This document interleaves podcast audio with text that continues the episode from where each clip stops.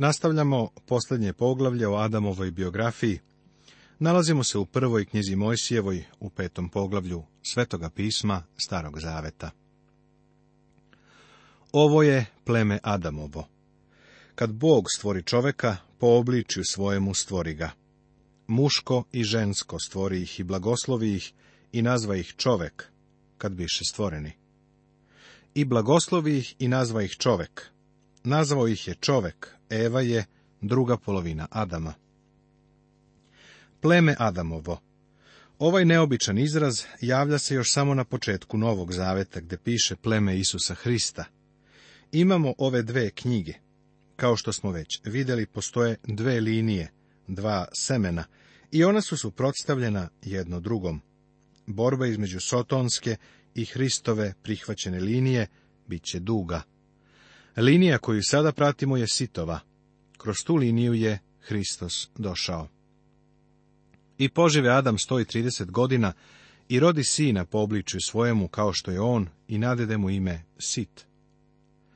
Kada je Adamu bilo 130 godina, koliko je bio star?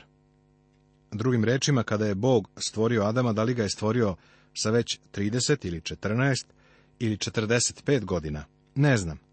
Sve što kažem bilo bi spekulacija. Iako ga je stvorio sa toliko godina, da li stvarno bio toliko star? Naravno, Bog je mogao da ga stvori u bilo kom starosnom dobu. Ako smem da kažem, ovo daje odgovor na mnoga pitanja o starosti zemlje. Kada ljudi kažu da su izvesne stene stare nekoliko milijardi godina, oni to u stvari ne znaju. Možda su, kada ih je Bog stvorio, već bile stare dve ili tri milijarde godina. Ono što je ovdje važno jeste da kada je Adamu bilo 130 godina, on je dobio sina kao što je on ili po svome obličju. Adam je bio stvoren po Božjem obličju, a njegov sin je rođen po njegovom obličju. A rodiv Sita požive Adam 800 godina rađajući sinove i kćeri. Tako požive Adam svega 930 godina i umre. Sada krećemo kroz groblje. Adam je rađao sinove i kćeri, tako požive Adam svega 930 godina i šta se desilo? I umre. U stihu osmom čitamo šta se dogodilo sa Sitom. Umro je. Imao je sina koji se zvao Enos i šta se sa njim desilo? U stihu 11 čitamo da je umro. Ali imao je sina, njegov sin je bio Kainan. I šta se desilo starom Kainanu? U stihu 14 vidimo da je i on umro a on je opet imao sina, Malelejla, i šta je bilo sa njim? Stih kaže da je umro. Međutim, i on je imao sina, čije ime bilo Jared, koji je također umro. Tako pišu u 20. stihu. Uzbudljiva priča o Enohu. A Enoh požive 65 godina i rodi Matusala, ili još kako je poznat Metuzalema. I da li je onda Enoh umro? Ne, on nije umro.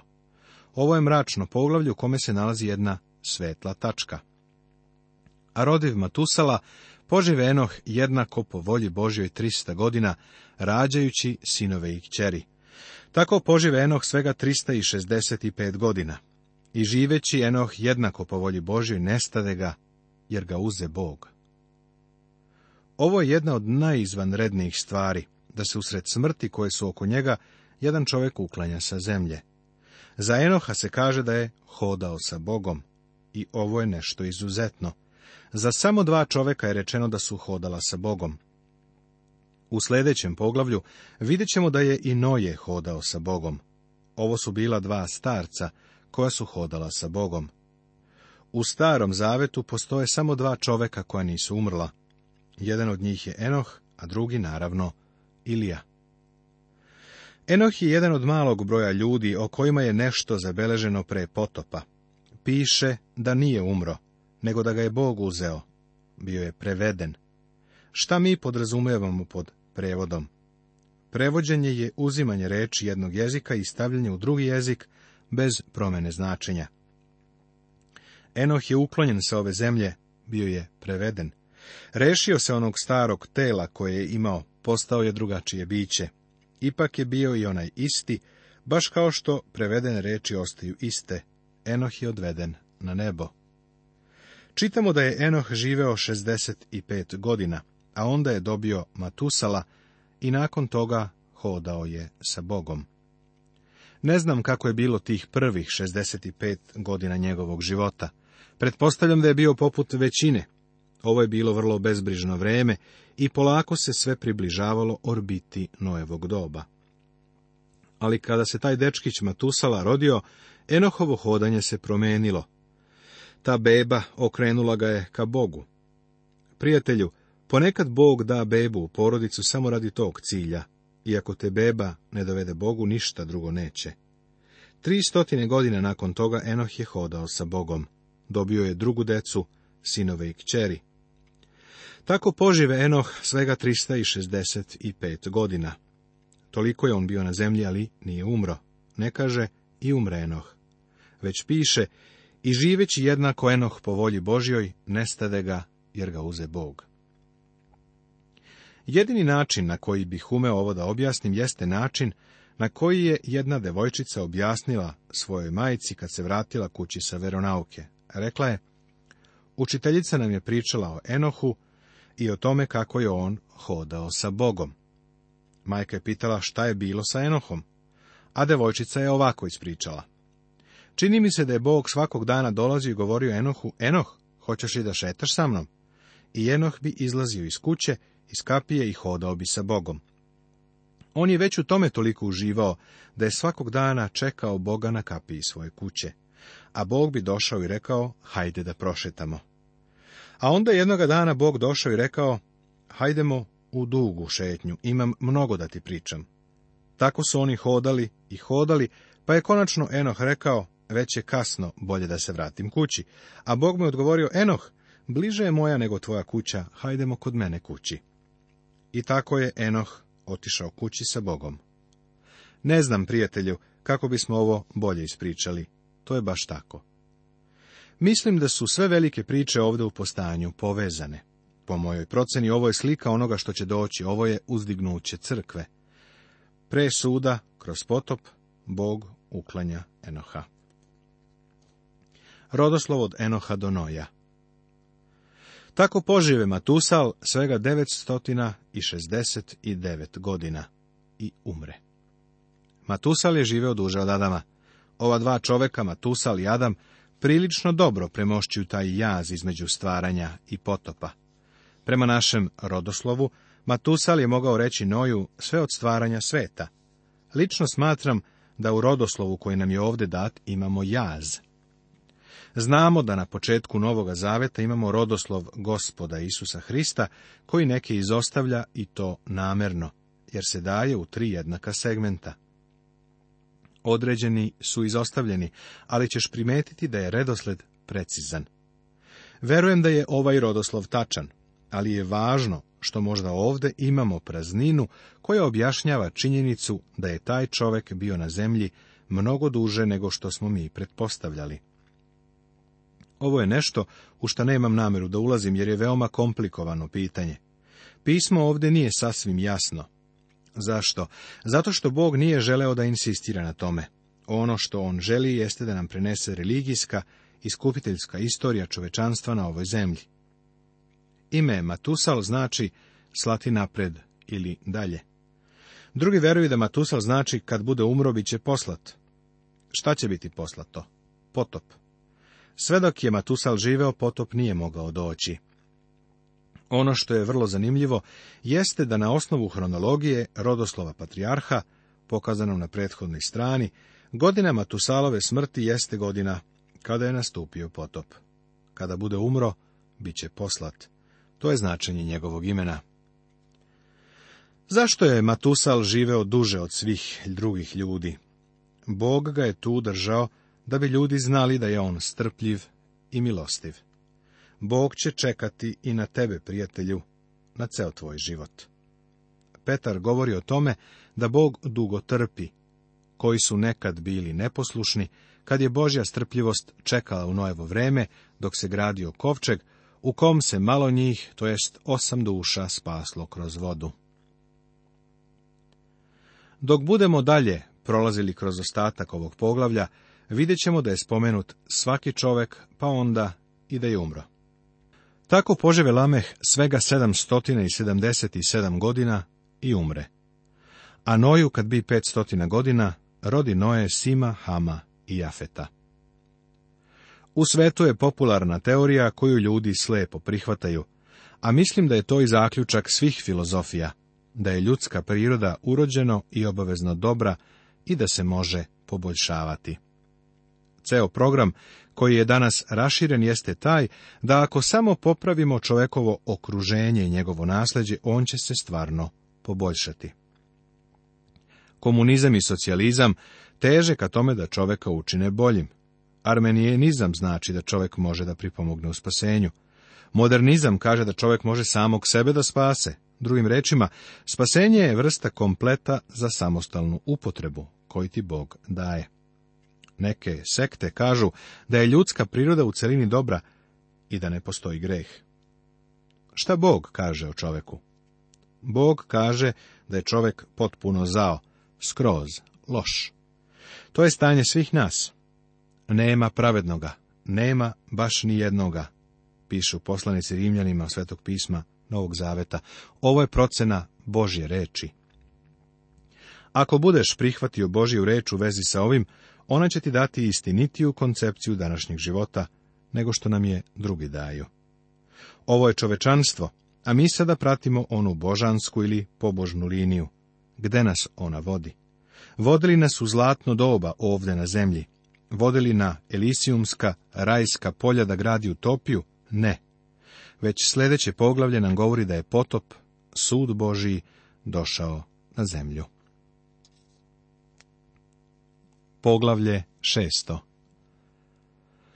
Tema Uzrok potopa Božije oslobođenje od osude potopom Saveti Noju za gradnju barke Putnici u barci Uzrok potopa U poglavlju šestom vidimo ne samo potop, nego i razlog za ovaj Božji sud. A kad se ljudi počeše množiti na zemlji, i kćeri im se narodiše – Videći sinovi i kćeri čovečije kako su lepe, uzimaše ih za žene koje hteše. Pitanje sinova Božijih i kćeri čovečijih je nešto što izaziva beskrajne diskusije.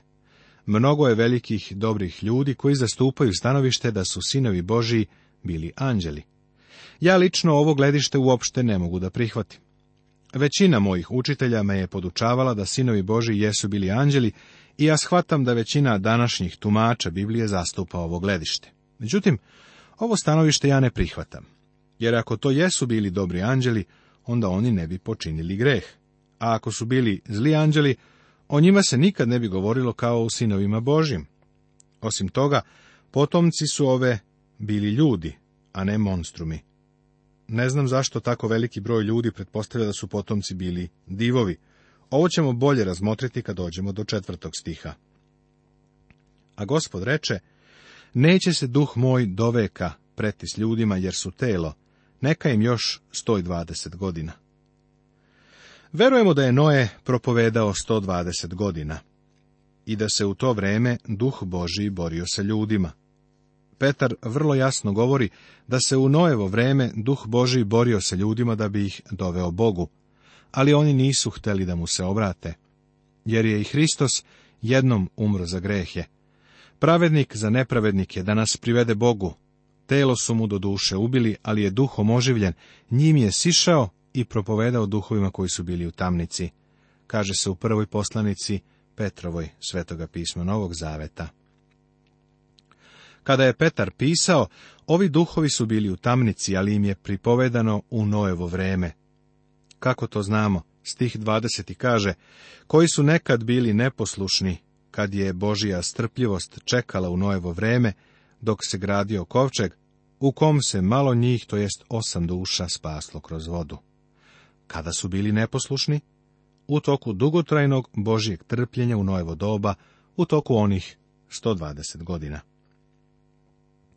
A beše tada divova na zemlji, a i posle, kad se sinovi Boži sastajahu sa kćerima čovečijim, pa im one rađahu sinove, to bejahu silni ljudi od starine na glasu.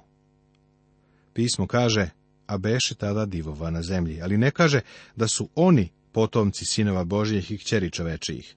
O njihovim potomcima se ovako kaže, to bejahu silni ljudi od starine na glasu. Ovo nisu bila čudovište, bili su ljudi. Ovaj zapis vrlo jasno pokazuje da su divovi na zemlji bili pre nego što se ovo desilo, a ovo jednostavno znači da su ovi potomci bili izvanredni, istaknuti ljudi. Ljudi imaju izvanredan kapacitet. Čovek je strahovito i divno stvoren, ovo je velika istina koju smo izgubili iz vida. Ideja da je čovek nastao iz neke protoplazme u nekakvom otpadu ili iz morskog rastinja krajnje je besmislena. Verovanje nekih naučnika jeste da će evolucija biti odbačena, pa će u to vreme neki ljudi izgledati vrlo smešno.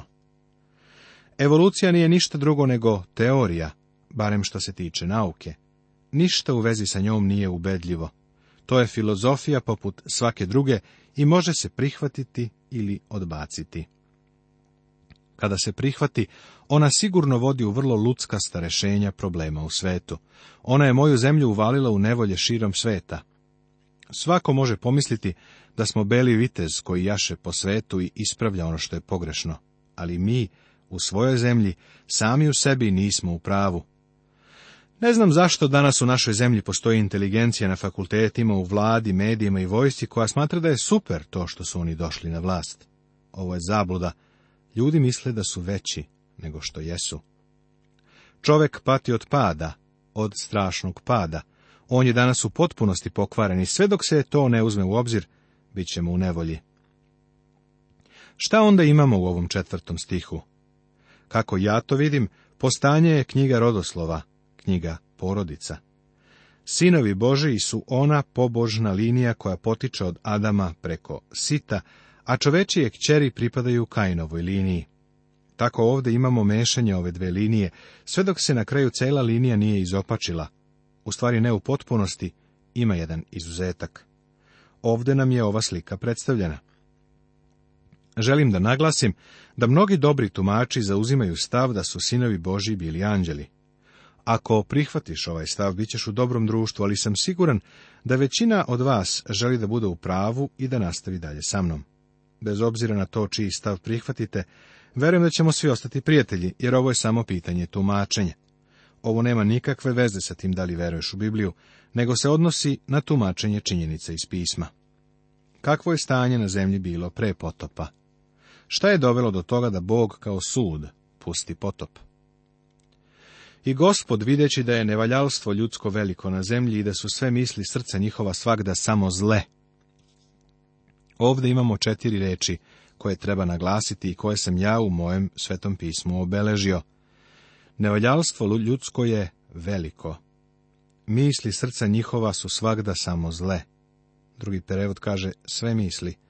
Samo zle, bile su samo takve i to svagda, stalno. Ove četiri reči otkrivaju stanje u kome je bio ljudski rod na zemlji. Pokaja se gospod što je stvorio čoveka na zemlji i bi mu žao u srcu. Pokaja se gospod. Zašta se pokajao gospod? zbog ljudske pokvarenosti. Izgleda da se predomislio i da namerava da ukloni ljude sa zemlje. Verovatno je baš to uradio sa prethodnim stvorenjem na zemlji. Iako je Bog bio ožalošćen zbog čovekovog greha, hvala Bogu što Bog nije uništio čoveka.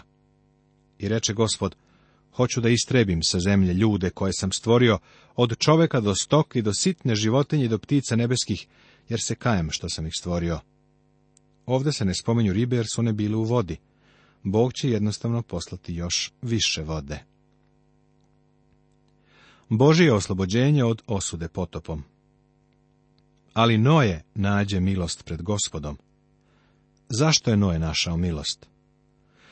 Ovo su događaj Nojevi. Noje beše čovek pravedan i bezazlen svoga veka. Po volji Božjoj svakda življeše Noje. Zašto je Bog spasao Noja. Zato što je hodao sa Bogom, da, ali isto tako ovdje je rečeno, verom Noje bi obavešteno onome što se još nije vidjelo, pa obuzet strahopoštovanjem načini kovčeg za spasenje svoga doma. Njom on osudi svet i posta naslednik pravednosti, koja se slaže sa verom, piše u poslanici jevrejima Svetoga pisma Novog Zaveta. Da bi se pripremila barka na suvoj zemlji, u vreme kad još nikada nije ni rominjela kišica, bila je potrebna vera. U ovom istom poglavlju jevrejima poslanice rečeno nam je da je Enoh prenesen ili preveden. Vidiš, kada se crkva bude uzela sa ove zemlje, otići će svaki vernik, jer je uznesenje za vernike, pa će i najslabiji sveti otići. Otići će, jer Bog rasprostire svoju milost, a kazano nam je da će se milost Božija pokazati u to vreme. Zašto potop? Zašto će Bog poslati potop? A zemlja se pokvari pred Bogom i napuni se zemlja zakonja. I pogleda Bog na zemlju, a ona beše pokvarena, jer svako telo pokvari put svoj na zemlji. To je to.